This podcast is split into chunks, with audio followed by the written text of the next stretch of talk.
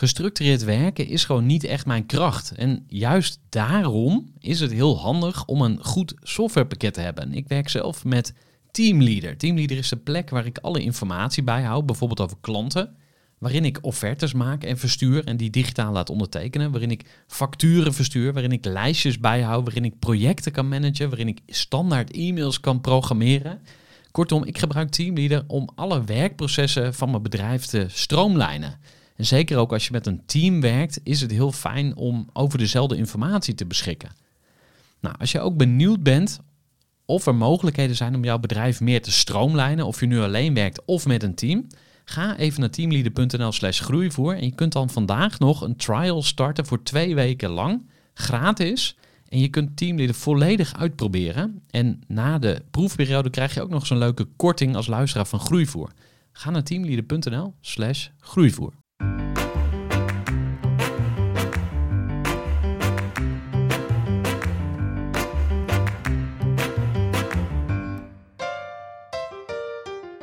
Welkom bij de Groeivoer Podcast.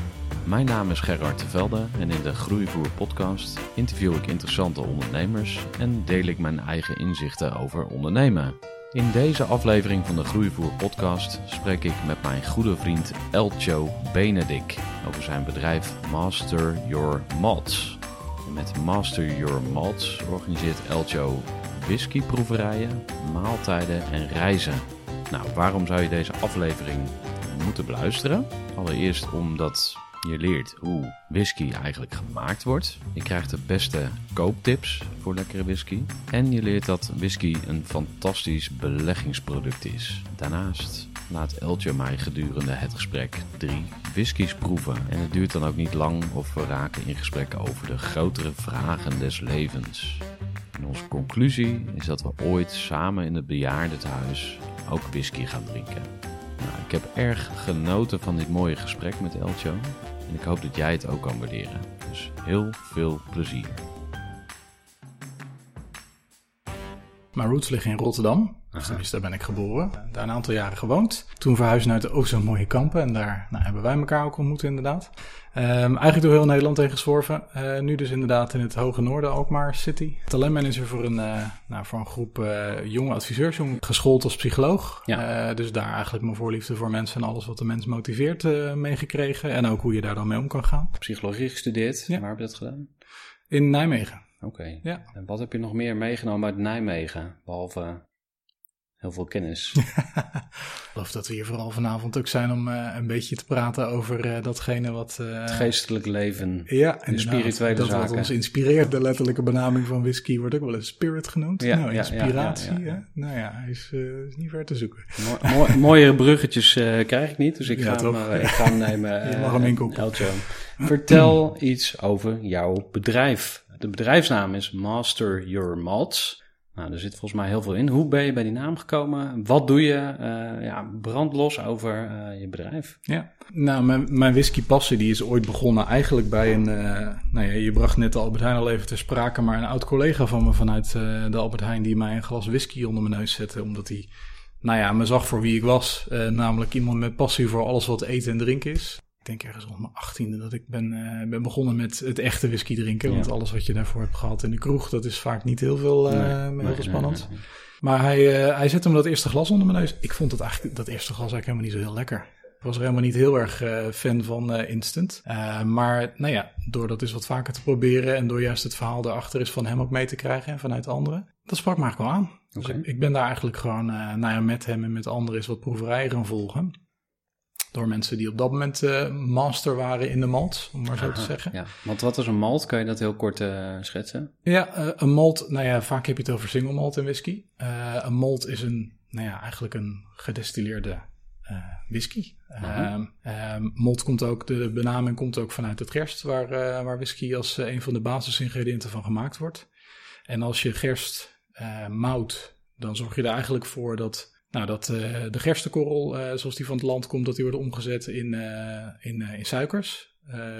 en dat proces, dat noemen ze malting. Ja, um, ja dat is een basisingrediënt. Suiker wordt natuurlijk uiteindelijk omgezet in alcohol in het proces. Dus essentieel. Dus ja. vandaar dat het vaak een malt wordt genoemd. Op je achttiende kwam je dus in aanraking met een soort spiritueel leider, guru, in ieder geval iemand die jou op een bepaald pad hielp. Ja. Wat waren de volgende stappen? Het zag eigenlijk vooral gewoon als in, nou ja, zoals we dat dan zo mooi learning by doing kunnen noemen. gewoon heel veel whisky drinken. Nee, ik ben, ik ben heel veel naar proeverijen geweest die dus door organisaties werden verzorgd kennis opgedaan, mensen over gesproken, mensen met dezelfde passie die ik, nou ja, die ik me nu toe-eigen. Die, hebben me, die hebben me heel veel verteld over, over het vak, over hoe whisky wordt gemaakt. Um, en eigenlijk hield het daar niet op, want ik merkte aan mezelf dat ik het leuk vond om, om dan nog steeds meer achter die verhalen te weten. Ja. Ja, dus dan koop je wat boeken en dan verdiep je je erin, dan lees je eens wat op internet, dan volg je eens wat mensen die, nou ja, die voorop lopen in de whiskywereld. Ja, en daar kwamen eigenlijk steeds uh, diepgaandere uh, interesses uit. En ja, op een gegeven moment had ik zoiets van, ja, ben ik dit nou voor mezelf aan het doen? Dan vind ik het juist leuk om er mee in verbinding te zijn met anderen. En die verbinding die ben ik gaan opzoeken in, uh, nou ja, in vriendengroepen. Uh, dus dat ik de boeken niet alleen las voor mezelf, maar ook om daarna een verhaal te kunnen vertellen aan anderen. Van joh, ik, ik ben hier waanzinnig geïnspireerd over. Misschien jij ook wel. Uh, ja. Dus kom er eens bij en uh, sluit eens lekker aan aan tafel. Dan zorg ik voor de whisky en het eten. En dan hoef je alleen maar gezellig te zijn en lekker ja. mee te proeven. En ja, dat ben ik eigenlijk gewoon lekker thuis gaan doen. Nou ja, daar, kwam, daar komt voor mij heel veel in samen. Dus het koken voor mensen, het gezelligheid aan tafel, het, nou ja, het delen van die whisky en van het verhaal daarachter. En uh, blijkbaar werd dat leuk ontvangen, want er kwamen eigenlijk steeds meer mensen uit die groepen die gingen vragen van, joh, ik ben toen nog eens een keertje bij op bezoek geweest, was echt leuk. Uh, nou heb ik toevallig een netwerkclub waar we eens in de zoveel tijd bij elkaar komen. Kan je niet eens een keer wel met whisky doen? Of uh, een vrijgezellenfeest van een vriend die, nou ja, die nog niet wist wat hij met, een, met de club aan moest. Nou, kom eens wat whiskies laten proeven. En leuk verhaal, sigaartje erbij, doet het heel snel goed onder de, onder de mannen. Dus uh, ja, van, uh, nou ik zou bijna willen zeggen van kwaad tot erger, stond ik uh, een aantal keer per jaar stond ik zo voor een groep naast mijn fulltime job. Ja, ik vind dat nog steeds waanzinnig mooi. Ik vind het leuk om die passie over te geven. En wat gebeurt er als jij whisky ruikt? Nou, zoals zoveel dingen denk ik die ik in mijn, in mijn hobby's terugvind.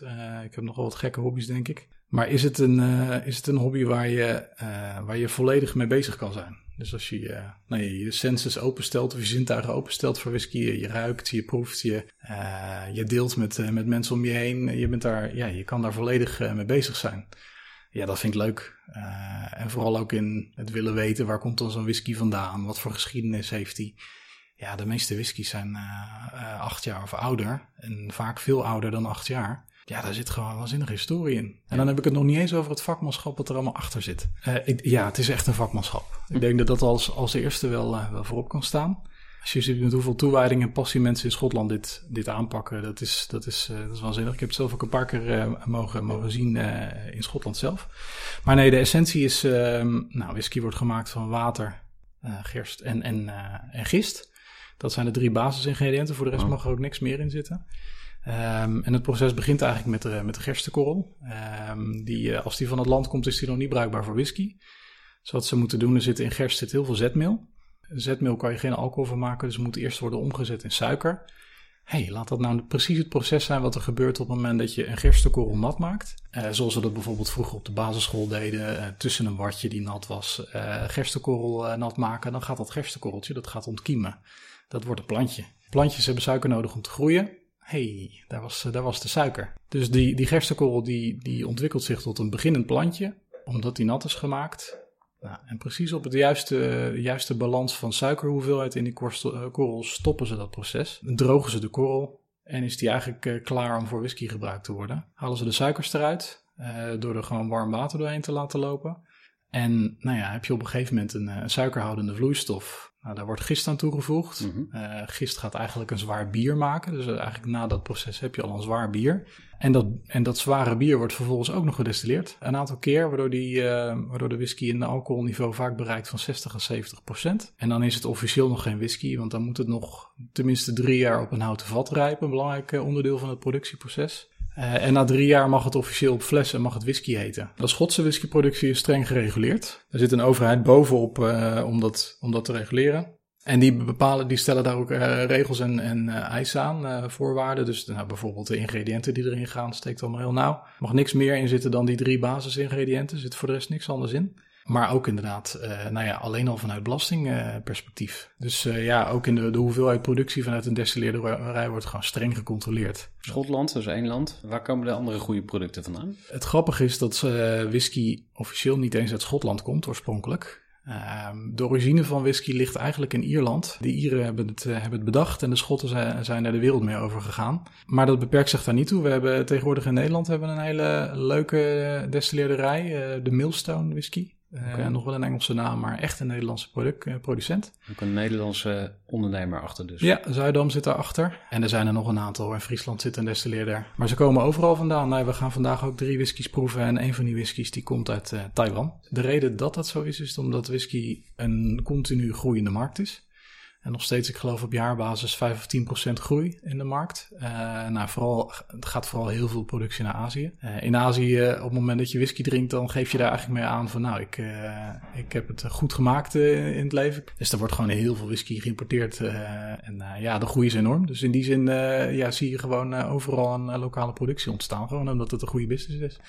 Maar in investering ook. Uh, je kan tegenwoordig beter je geld in whisky investeren dan het op de spaarrekening zetten. Nou, sterker nog, in, uh, in Sassheim in Nederland hebben we tegenwoordig echt een, nou ja, een organisatie die, je, die het beleggen in whisky voor je doet. Ja, en daar is een goed rendement op te pakken. Ik denk zo 10%. Ik ben daar niet bijzonder goed in. En nou, ik weet ook niet of ik de financiële middelen heb om nou heel veel geld in whisky te stoppen. Maar als ik het wel zou hebben en ik niet zou weten waar ik mijn geld in zou moeten stoppen, dan zou ik het in whisky doen. Dat is dus ook het mooie, hè? op het moment dat, uh, weer even een van de leuke dingen aan het ambacht, als je als destilleerderij nu iets produceert en je verwacht dat dat uh, nou, een leuke whisky wordt, maar uh, niet heel bijzonder, dus je probeert produceert er niet zoveel van, hij blijkt waanzinnig lekker te zijn. Ja, je kan maar één keer iets produceren wat daarna tien jaar op vat gaat, tenminste ja, als je er tien jaar later achter komt dat je geweldige whisky hebt gemaakt, heb je een bepaalde hoeveelheid. En die is op als die op is. En soms beperkt zich dat tot één vat. Wat gewoon zo goed is dat die uh, op fles wordt gebracht en in de markt uh, hele hoge beoordelingen krijgt ja, die, eh, die gaat vanzelf vanuit vraag en aanbod zichzelf wel,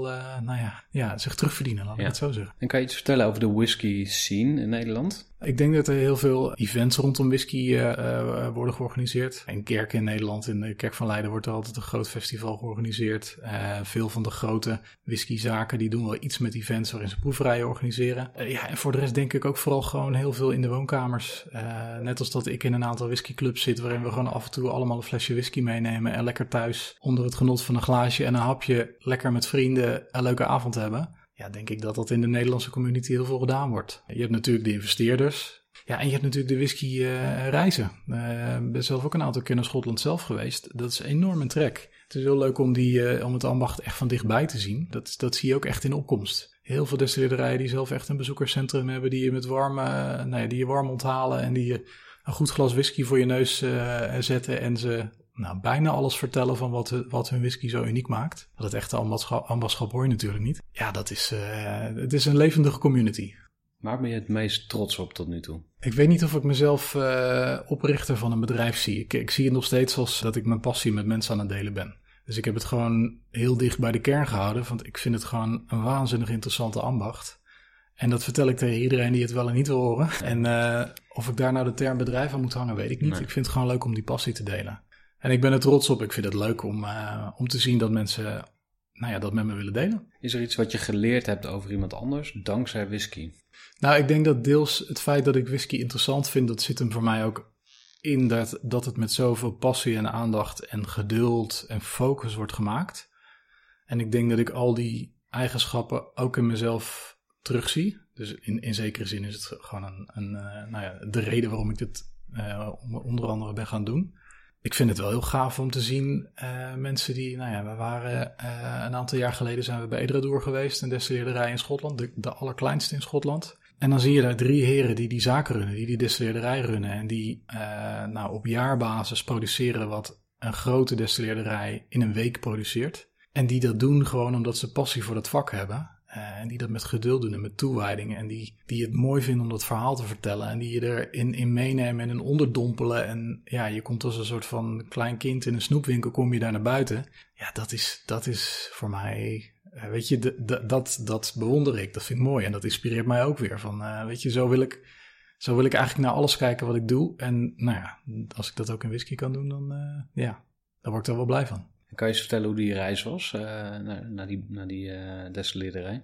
Ja, ik doe dat vaak met vrienden. Uh, vaste whiskyclub, goede vrienden sowieso al. En we drinken toevallig ook allemaal whisky. Dus nou ja, van de nood een deugd maken. Maar ook allemaal wel nou ja, houden van whisky, houden van natuur, houden van mooie landen bezoeken. En als je dat dan allemaal eh, kan combineren, dan, eh, dan ga je naar Schotland. En eh, voor mij was het sowieso een diep gewortelde droom, omdat ik eh, altijd wel veel vertelde over whisky en er heel veel over wist, maar nog nooit echt in, in Schotland was geweest. Ja. En eh, nou ja, naarmate ik meer proeverijen verzorgde, kon ik mezelf dat eigenlijk niet meer rechtvaardigen waarom ik nog nooit in Schotland was geweest. Nou ja, dat plannetje kwam samen, dus we zijn eh, nou ja, lekker op Glasgow gevlogen. En dan ga je eh, in een autootje ga je door de Schotse hooglanden eh, rijden.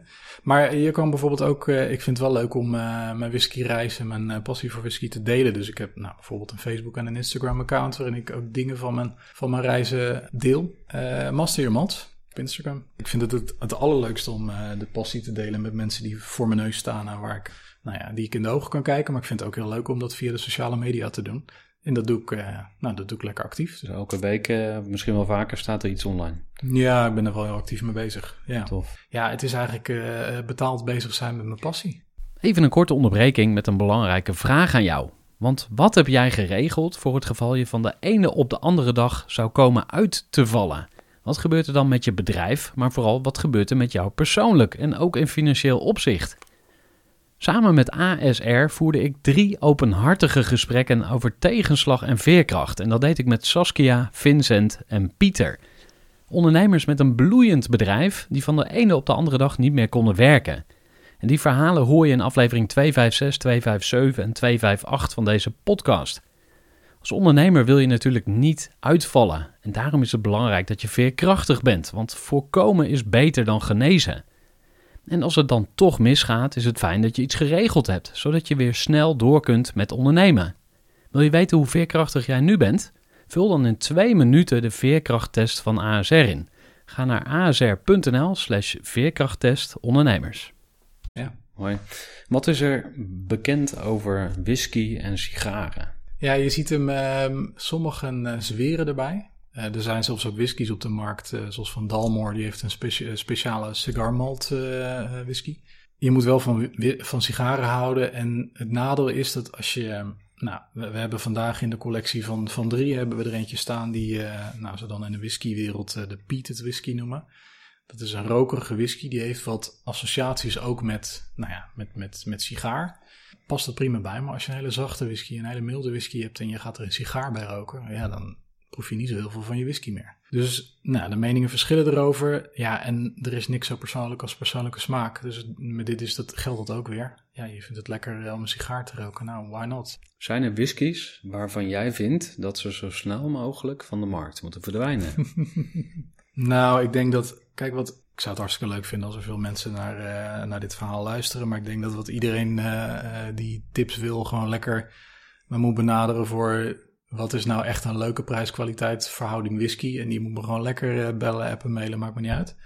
Mensen kunnen jou gewoon persoonlijk benaderen voor Ja. een, een, een Ja, whisky-advies op maat, als het ware. Ja hoor, vind ik altijd Echt leuk. Wauw. Ja, dus, je kan het ook bij een gallegal of een lokale eh slijter kan je het vragen natuurlijk. Maar heel vaak krijg je een commercieel antwoord. En heel vaak betaal je sowieso al 30% meer dan je zou hoeven betalen. Waarom Ja. is dat? Nou ja, omdat een slijter ook weet dat er goed geld te, verdienen valt op, eh, op de whisky. En omdat er natuurlijk ook gewoon marge op moet zitten om de zaak te draaien. Hè. Zo is het ook weer. Dus, eh, en dat snap ik ook. Maar of je dan altijd met de lekkerste whisky naar huis gaat. Ja, weet je, bij een gallegal staat er ook maar een, ja, een aanbod dat toevallig heel commercieel bij hun, eh, eh, nou ja, bij een keten is neergelegd. Eh, ja, betekent soms dat je de uniekere whisky, zoals die waar ik net over vertelde, de Edradoor, ja, die vind je niet eh, op de plank bij de gallegal, denk ik. Ja, dat is een heel klein destilleerderijtje, maakt toevallig wel hele lekkere whisky. Er zit een heel mooi verhaal achter. Ja, dat hoor je echt bij de gallegal niet.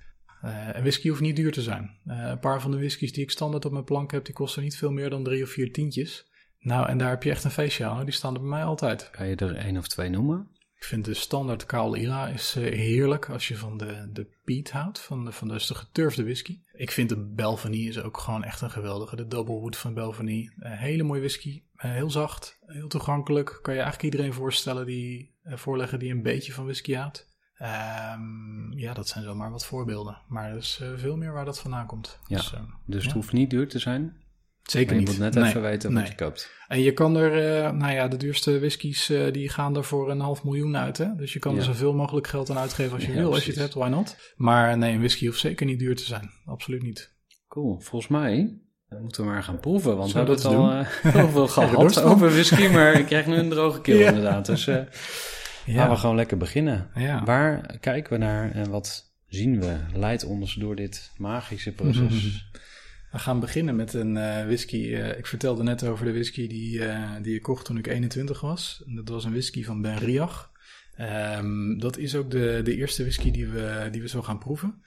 Is een whisky die heeft... Nou, ik vertelde net dat whisky... ehm moet tenminste drie jaar op een eikenhouten vat hebben gelegen... voordat het whisky mag heten. Aha. Gemiddeld is 8 tot 10 jaar voor whisky. Ehm, de whisky die we nu gaan proeven, die heeft eh, 25 jaar lang op een houten vat gelegen. Berriach eh komt uit eh, een heel dicht bevolkt eh, gebied in Schotland qua destilleerderijen genaamd Speyside. Prachtig mooi gebied, moet je absoluut een keertje naartoe gaan. Ook als je niet van whisky houdt, want het is waanzinnig mooi daar. Mag ik een keer mee?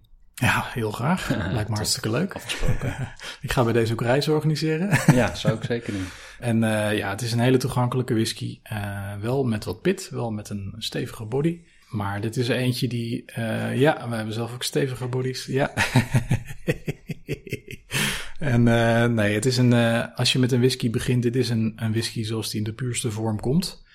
Ehm, je ziet dat er heel veel geëxperimenteerd wordt met whisky. En dit is een whisky gewoon zoals nou, whisky gemaakt wordt. Heeft gewoon 25 jaar lang op een eikenhouten vat gelegen. Ik ga zo even wat vertellen over wat alternatieven, maar nou, dit is een prima whisky om mee te beginnen. En dan zeggen ze in Schotland, als je een whiskytje drinkt, dan zeggen ze, en ik spreek het vast verkeerd uit, maar slange mate. Slange. Slange. Wauw, die komt wel binnen, ja. Ja, sowieso het nadeel hoor, met de eerste slok eh, whisky eh, op je tong, die komt altijd even binnen. Even opwarmen. Moet je even, je tong moet daar even aan wennen aan die alcohol. ehm, en dat is ook, eh, nou, is heel gebruikelijk. Ja. Dus begin nooit met je allerlekkerste whisky, want, Ah, maar goed, daar heb ik deze keer een uitzondering op gemaakt. ja. normaal gesproken. Ja. Want eh, wat zijn dit voor glaasjes? Hè? Dit zijn geen gewone whisky tumblers die we allemaal kennen, maar wat, wat hebben we Nee. in ons hand? Ja, de tumbler is idealiter bedoeld, en ik hoop dat ik daar geen mensen mee, eh, mee beledig, maar ehm, eh, om de slechte whisky die je vaak voorgezet krijgt, enigszins een beetje te verhullen. Nou ja, hetzelfde als met wijn. We, kijken nu naar een glaasje die in de vorm van een tulp ehm, ehm, eh, nou, is, is geblazen. Tumbler is natuurlijk gewoon zo vierkant als maar zijn kan. Dus de, nou ja, de aromas van de whisky komen in een tumbler niet bij elkaar. Bij deze, dit glas is juist ontworpen om juist wel die aromas bij elkaar te brengen. Zodat je goed kan ruiken en zodat je goed kan proeven. Dus het is echt een proefglaasje. Je vindt ze soms ook met een dekseltje erop. Dan kan je echt helemaal de aroma's erin bewaren en ruiken. En eh, nou ja, dan ruik je echt alles. En wat heel leuk is als je het over ruiken hebt, is om, we hebben, ik heb dit al even geleden ingeschonken, om even te ruiken als je hem inschenkt, hem even 10 minuten weg te zetten en dan weer terug te pakken. En na 10 minuten weer even te ruiken van wat doet hij nu dan. Eh, vaak ruik je eerst de snelle, vluchtige aroma's die nou, je neus bereiken. Dus, dus de eerste geur, eh, geur, geuren die, die je ruikt. 10 minuten later komen er wat andere geurmoleculen je neus in dan daarvoor. Waardoor die heel anders kan ruiken. Waardoor je in één keer hele andere dingen oppikt. Dus eh, ja, zeker de moeite waard om eens te proberen thuis. Zet hem eens gewoon 10 minuutjes weg. En eh, kijken wat er gebeurt als je hem er dan weer bij pakt. Dat is heel leuk. Nou, Eljo, dat was eh, een heel mooi en lekker eerste glaasje. Mhm. En eh, wat is de volgende fles waar jij naar grijpt? Nou, dit is dus onze vreemde eend in de bijt. Aha. Dat klinkt heel negatief, maar dat is het absoluut niet, kan ik je vertellen. Ehm, een whisky die, nou, ik heb het net al verteld. De- hij komt uit, uit Taiwan. De allereerste destilleerderij in Taiwan. En eh, een man, meen ik, die, eh, nou, die besloten heeft dat de Taiwanese cultuur daar eh, zeker een whisky bij moest hebben. En die is dat voor zichzelf gaan opzetten. En niet onverdienstelijk, kan ik je vertellen. Nee, je maakt whisky die als je hem voorzet, ik heb het je nu verteld. ehm, maar nou ja, als het mij voor, hadden voorgezegd zonder dat ik zou weten dat hij uit Taiwan zou komen, zou ik niet doorhebben dat het geen Schotse whisky was. Nou, dat is echt wel een standaard die, die je moet, moet bereiken. Ook weer met, eh, met dien verstande dat, kijk even op de fles inmiddels, deze heeft geen leeftijdsaanduiding. Maar wederom, stel even uitgaande van een whisky zit tien jaar op vat voordat hij gebotteld gaat worden. Je maakte tien jaar geleden iets waarvan je nu nog niet precies weet wat het gaat opleveren. Eh, of toen niet precies weet wat Ja. het gaat opleveren. Ja, dus- dat, dat is eh, best wel een risico. En eh, nou ja, goede kans dat je tien jaar later echt met verschrikkelijke bocht eh, zit. Het echte vakmanschap komt vanuit Schotland. En dat zie je ook met eh, Nika, eh, een destilleerderij in Japan. Die eh, eh, de zoon van een, eh, een sake-producent eh, in Japan heeft ook besloten van moet ook whisky naar Japan. Overigens wederom ook heel succesvol. Japan heeft een hele levendige whiskycultuur.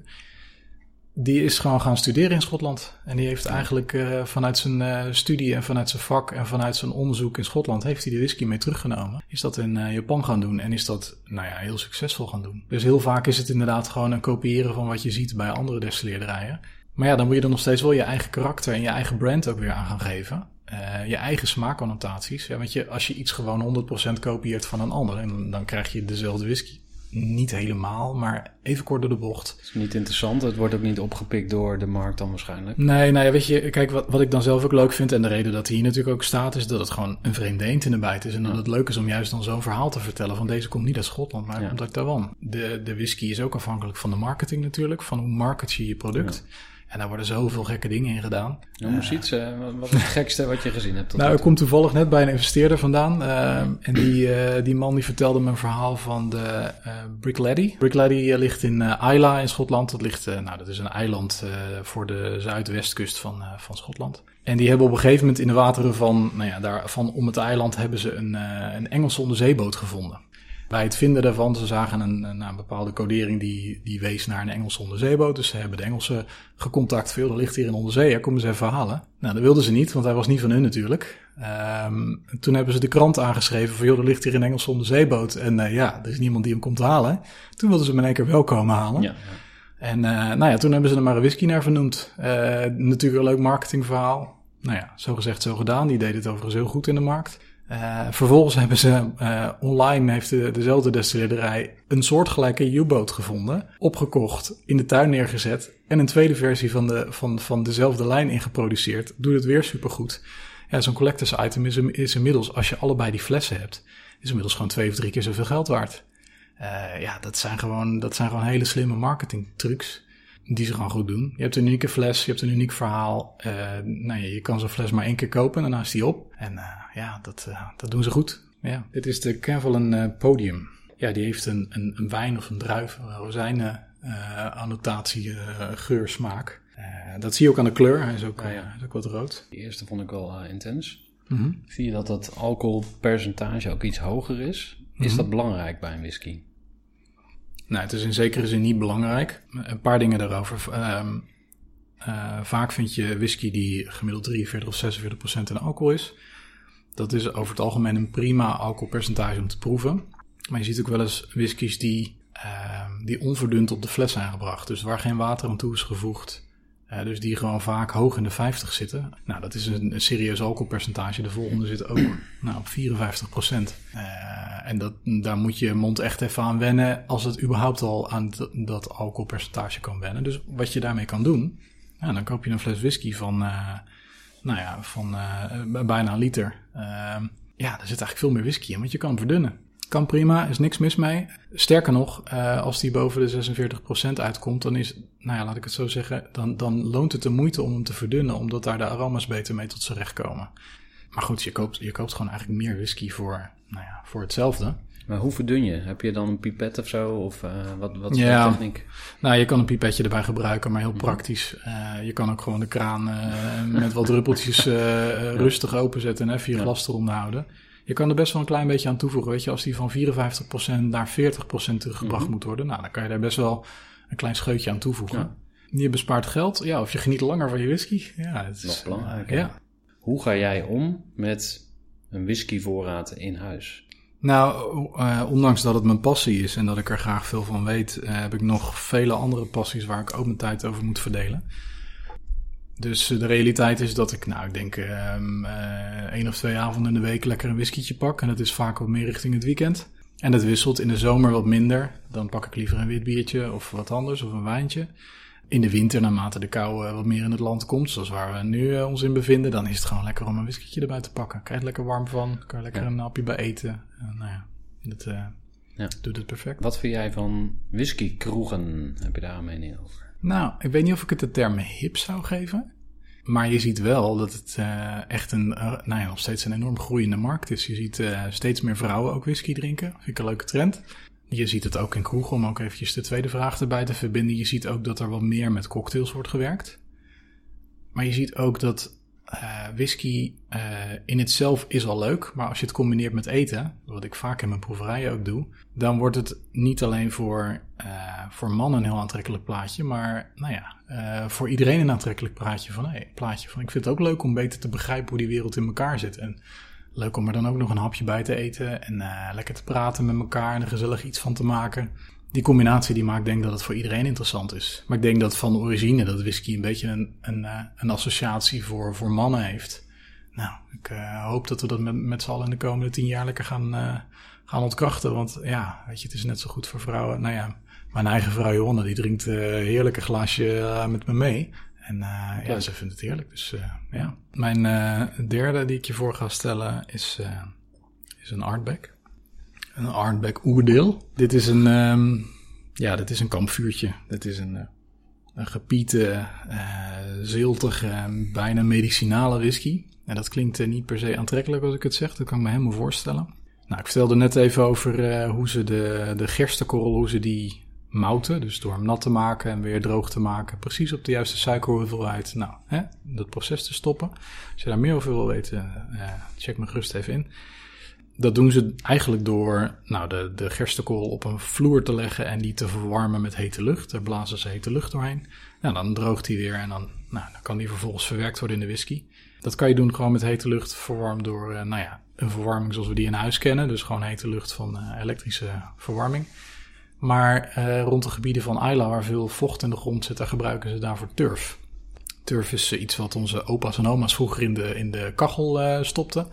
Wat eigenlijk gewoon samengeperste plantresten zijn. Dus plantjes, veen, uh, nou, uh, heide van alles en nog wat.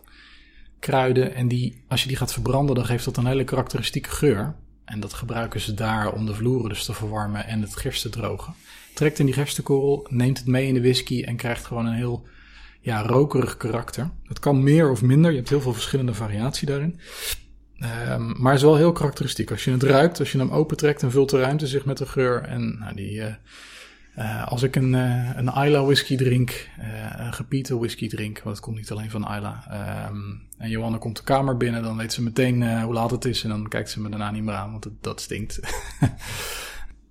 Mag je trouwens uh, klinken met uh, whiskyglaas of is dat uh, tegen de regels? Nou, van mij mag alles, maar de traditie van klinken met glaas is eigenlijk een hele onvertrouwenswekkende traditie. waar ze het vroeger mee deden was in de tijd dat, nou echt van de middeleeuwen, op het moment dat je in de kroeg samen stond, te, stond te bieren en je vertrouwde iemand niet, nou dan klonk je de glazen. Op het moment dat hij nou iets in je drinken had gedaan of in je bier had gedaan waar je daarna de pijp mee uitging en je deed dat maar hard genoeg en jouw bier kwam ook in zijn glas terecht.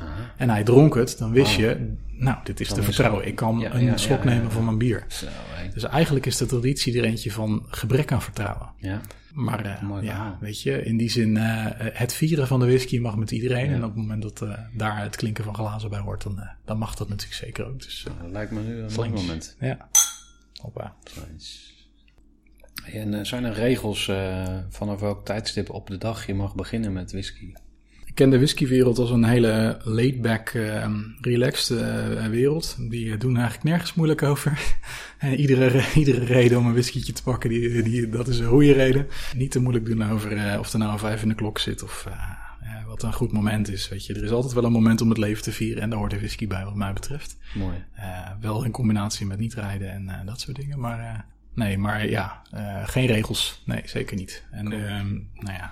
Wat is jouw droom voor de toekomst? Is er iets wat jij nou wel graag zou willen bereiken? Nou ja, kijk, uh, we hadden het er net al even over van whisky reizen naar Schotland zou ik leuk vinden. Uh, dat vind ik leuk om te doen, dat doe ik al. Nou, ik ben nu bezig en dat is, dat is nog wel leuk. Ik weet niet in hoeverre dat echt gestalte gaat krijgen, maar uh, met een, een barbecue guru uh, in Nederland is te kijken om de combinatie tussen eten en whisky ook te leggen. Uh, er is in uh, Schotland zijn er regelmatig whiskyfestivals, maar op Isla bijvoorbeeld, waar dus deze laatste whisky ook vandaan komt. Uh, de rokerige whisky, om daar ook rokerig eten bij te zetten. Ja. Nou, wat is er mooier dan rokerig eten? Wow. nou, lekker stukje vlees van de barbecue. en daar is een hele mooie barbecue cultuur in Nederland voor. En in Amerika nog veel meer, maar daar is die natuurlijk op gebaseerd. Um, om eens te kijken of we dat festival kunnen verzorgen van nou, niet alleen het drankje, maar ook het hapje. En daar gewoon een hele mooie combinatie in te maken. Nou ja, dat zou wel een droom zijn. Nou, daar heb je er misschien wel een, Ger. Dus ik ben ook, nou ja, de whisky komt bij Artback vandaan. Ik ben nu met Artback in gesprek om te kijken of zij dat wellicht uh, met ons willen oppakken. Ja, dat zou ik waanzinnig leuk vinden. en een mooi bruggetje is ook naar dat ik uh, zelf ook uh, met de barbecue gisteravond nog bezig ben geweest. Oh, ik heb twee heerlijke moinkbals gemaakt. Wauw, die moet je even uitleggen. Wat, wat, wat zien ja. we? We zien vers gedraaide um, moinkbals, gehaktballetjes, van half om half gehakt komt de naam ook vandaan, heb ik me laten vertellen. Uh, de naam is van uh, Moe en Oink Oink. Uh, met een, een, een, een, rolletje bacon eromheen in een barbecue saus. Lekker gerookt op de Kamado barbecue. Ja, dat soort rokerig eten, dat past perfect bij deze whisky. Dus ja. ik zou ja. zeggen, laat hem je lekker smaken. Heerlijk. Ja, het was lekker toe. Nee, en dit vind ik ook echt leuk. Dit is voor mij echt een passie die het gaat me niet alleen om de whisky, het gaat me echt om de combinatie met eten en uh, genieten van het leven en uh, lekker proeven. En, echt heel lekker. Goed hè? Nou. Ja? Dus vast voor de luisteraar heel smakelijk om te horen. Nou, absoluut. Maar ja. dat wordt niet. Ja, precies. jullie probleem. Als je dat ook eens een keertje wil, dan uh, weten jullie me te vinden. Ja. Wauw, echt fucking lekker. Maar dat heeft gisteren anderhalf uur in mijn Kamado uh, mm.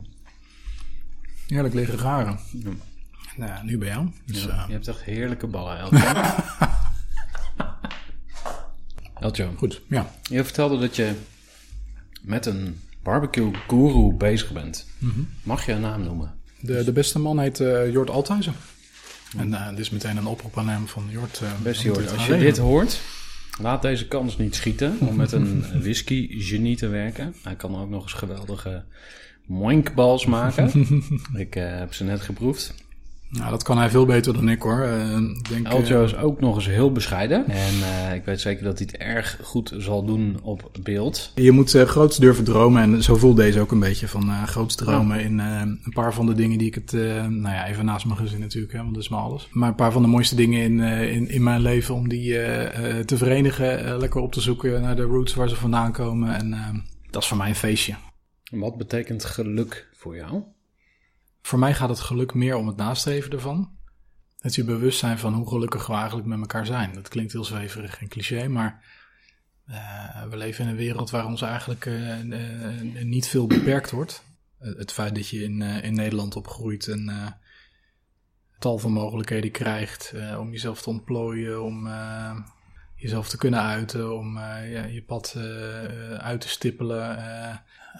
ja, dat is al rijkdom en dat is voor mij geluk. En als streven niet is dat, er, uh, nou ja, dat je weer uh, jezelf op de, op de weg kunt brengen om dat geluk uh, wel weer te vinden. Wat maakt het leven zinvol? Ik geloof niet zo in de zin van het leven. Dus misschien een, dat klinkt dan misschien weer een beetje duister. Uh, maar ik geloof niet dat er een. Uh, nou ja, ik, ik, ik weet niet of ik. nou ja, ik, ik geloof wel in dat in de tijd dat ik beschikbaar heb om op deze wereld rond te lopen, dat ik uh, hopelijk iets uh, kan toevoegen aan de levens van anderen. En dat is voor mij mijn zingeving. Maar ik geloof niet zozeer in een, een, een, in een allesomvattende zin. Hierom ben ik op deze aarde en dit voeg ik dan toe aan de wereld. Want de realiteit is dat we ook gewoon heel veel kapot maken. Waar denk je dan aan? nou, dan denk ik aan ehm, onze consumptiemaatschappij we hebben het net gehad over consumeren van whisky. En dat is natuurlijk het mooiste wat er is. Maar dat er wordt ook. Enige uh, uitzondering. Ja, dat is de enige uitzondering. nee, maar de, de, realiteit is daar ook bij dat er heel veel water wordt verspild in whiskyproductie. En nou is water op zich nog redelijk uh, omvangrijk aanwezig op deze uh, aarde. Maar we zijn natuurlijk ook echt wel een consum consumptiemaatschappij die niet nadenkt over wat we eigenlijk achterlaten. Uh, of alleen nadenkt over wat we achterlaten als het financieel gezien aantrekkelijk is. Nou, ik geloof dat we daar met z'n allen wat meer bij na mogen denken. Uh, zeker ook als je dan net de vraag stelt van wat geef je je kind mee? Van nou, dan zou ik wel heel graag een, uh, zonder al te veel wereldverbeterend te willen overkomen, maar dan zou ik graag een wereld willen achterlaten die, nou, die er nog is. of die er nog in enigszins dezelfde vorm is zoals, die, zoals we die nu hebben. En dat staat serieus nu al best wel onder druk. Kunnen we dat ook op jouw uh, social media terugvinden bijvoorbeeld? Is dat uh, iets wat je ook deelt? Nou, niet in relatie met whisky. Nee, dat niet zozeer. Dat vind ik meer in mijn werk. en dat ik het mooi vind om bij een bedrijf te werken die zich bezighoudt met bijvoorbeeld de circulaire ontwikkeling. Dus het nadenken over producten niet zozeer vanuit een, een lineaire levensduur. Dus het voorbeeld van je telefoon, van je schaft een telefoon aan voor twee jaar en gaandeweg die twee jaar takelt hij af en daarna gaat hij in een laadje om hem nooit meer terug te zien. Nou, dat is een lineaire uh, consumptie. Uh, maar je hebt tegenwoordig steeds meer producten, diensten, vastgoed. die worden ontwikkeld vanuit een circulaire gedachte. Van, nou, een product zou eigenlijk, of de ingrediënten die in een product gaan, zouden nooit zijn waarde moeten verliezen.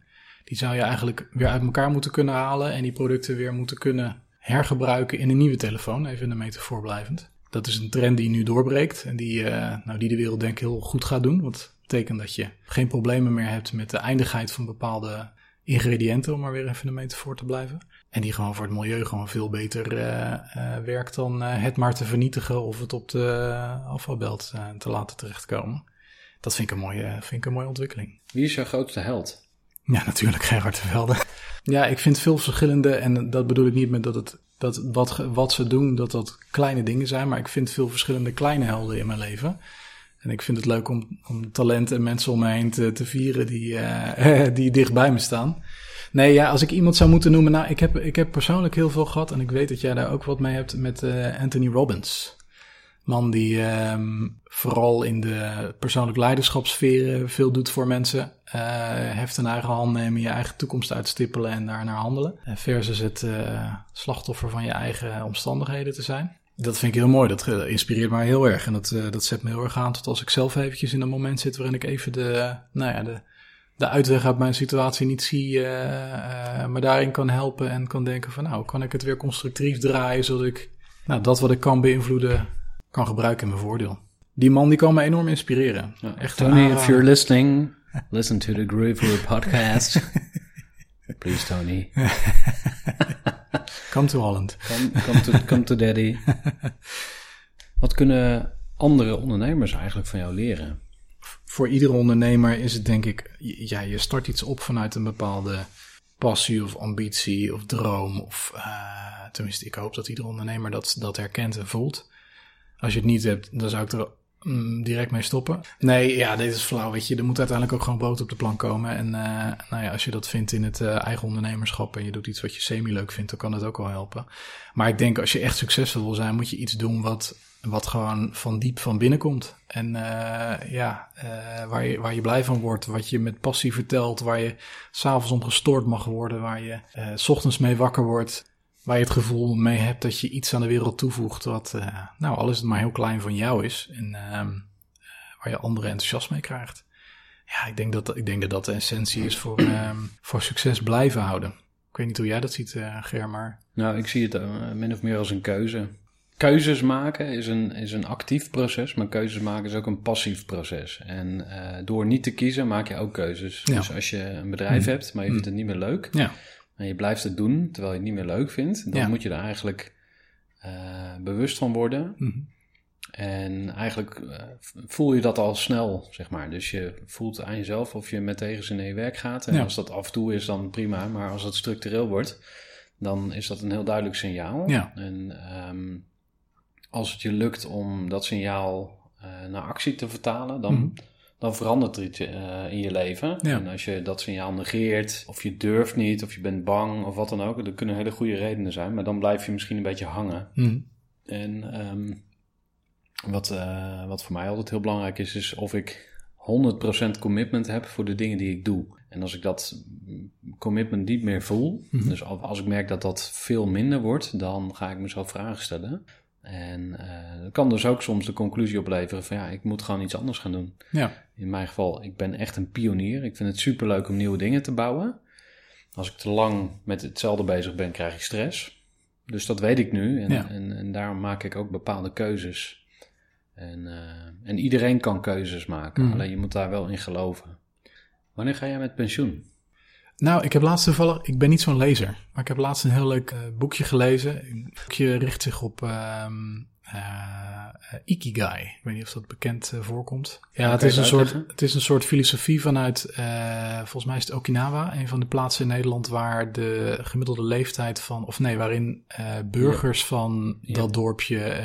Japan is dat? Ja, Japan is het. Ja, ja waar, waar mensen heel oud worden. Dus waar er heel veel mensen boven de honderd wonen. En het boekje dat gaat op onderzoek uit van hoe kan het nou toch dat mensen daar in dat dorpje toevallig zo oud worden? Of nou ja, eigenlijk gaat het er vanuit, het kan geen toeval zijn en hoe komt dit?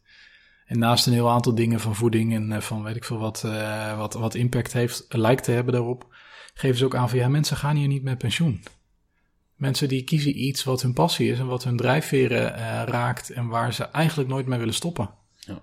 Want ja, wa- wa- wat doe je na je pensioen als je eh, eh, iets doet waar je je passie in vindt en waar je je zingeving in terugvindt en waar je de wereld een, mooi stu- een mooier stukje aarde van maakt? Ja, waarom zou je daarmee willen stoppen? Ja. Dus ik hoop oprecht dat ik nooit de behoefte ga voelen om met pensioen te gaan. Ik denk dat dat, nou ja, dat gun, dat gun ik mezelf en dat gun ik iedereen. En nou, natuurlijk zijn er allerlei dingen die ik niet weet hoe die eh, in, de, in de toekomst eh, uit gaan pakken. Maar ik hoop van harte dat ik, eh, dat ik in die rijkdom eh, oud kan worden en eh, eh, lekker kan blijven werken. Nou ja, dingen kan doen die ik leuk vind. Hoe oud wil je worden? Ik wil zo oud worden als mijn lichaam me brengt met mijn hele Bourgondische levensstijl eh, in een manier waarin ik mijn passie en mijn hobby's kan blijven uitvoeren en er voor mijn kind kan blijven zijn zoals ik dat zou willen. En of dat nou 100 is of 70, dat maakt me niet zo heel veel uit. Ja, natuurlijk het liefst zo lang mogelijk, maar ik hoef niet per se oud te worden en achter de geraniums te eindigen dat iemand me eh één keer per week eh, nou ja, komt, eh, komt helpen en eh, Dan kom ik langs met whisky. Oh, nou top. Ja, Ja. Dan gaan we samen in hetzelfde verzorgingstehuis, die er Ja, tegen die tijd waarschijnlijk niet meer zijn. Nee, Nee, maar daar kijk ik niet, niet, per se naar uit. En eh, we leven natuurlijk ook een beetje in die generatie waarin eh, dat niet meer zo vanzelfsprekend is allemaal. nee. dat is waar. Ehm, Dus eh, nee, de, de- ik hoop dat ik eh, gezond ouder mag worden. Maar of dat oud-oud hoeft te zijn, weet ik ook niet. nee. Het, eh, zolang ik iets toevoeg aan het leven, en aan mijn gezin en aan mijn kindjes. En eh, ja, we gaan het zien. Ja, mooi. Dankjewel. En zo zijn we alweer aan het einde gekomen van dit interview met Elcho Benedict. En ik heb leuk nieuws voor je, want je kunt ook een whisky tasting set winnen. En die wordt je uiteraard aangeboden door Master Your Malts. Ga ze vooral ook even bekijken op Instagram. En het enige wat je hoeft te doen om die whisky tasting set in de wacht te slepen is de naam van jouw favoriete whisky doorgeven. En dat doe je via gerardtevelde.nl slash whisky. Dus als jij een tasting set wilt winnen, ga snel naar gerardtevelde.nl slash whisky. En laat de naam achter van je favoriete whisky. Ik heb nog een vraag aan je. En dat is of je mij een positieve beoordeling wilt geven op de podcast app die jij gebruikt. Het maakt niet uit waar je mij beoordeelt. Dat mag je zelf helemaal kiezen. Maar je zou me er erg mee helpen. En als dank voor die inzet geef ik elke week een exemplaar van mijn boek weg.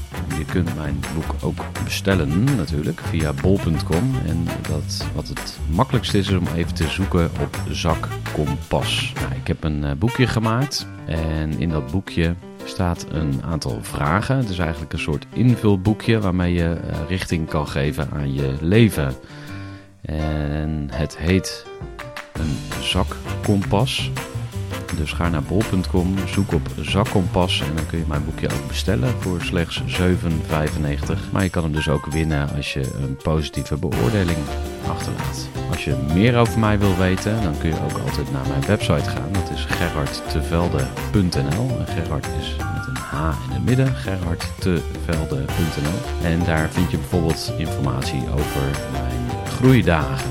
En groeidagen zijn dagen die in het teken staan van persoonlijke groei als mens, maar misschien ook wel als ondernemer. Maar het kan ook gaan over de groei van je bedrijf. Ga naar mijn website gerardtevelde.nl. Daar vind je meer informatie over groeidagen. En als je het leuk vindt of inspirerend, dan kun je mij ook altijd als spreker inhuren. En je kunt mij ook boeken voor een in-house seminar. Nou, tot zover de reclameboodschappen. Ik hoop dat je genoten hebt van deze aflevering en ik zie je graag snel bij een volgende episode.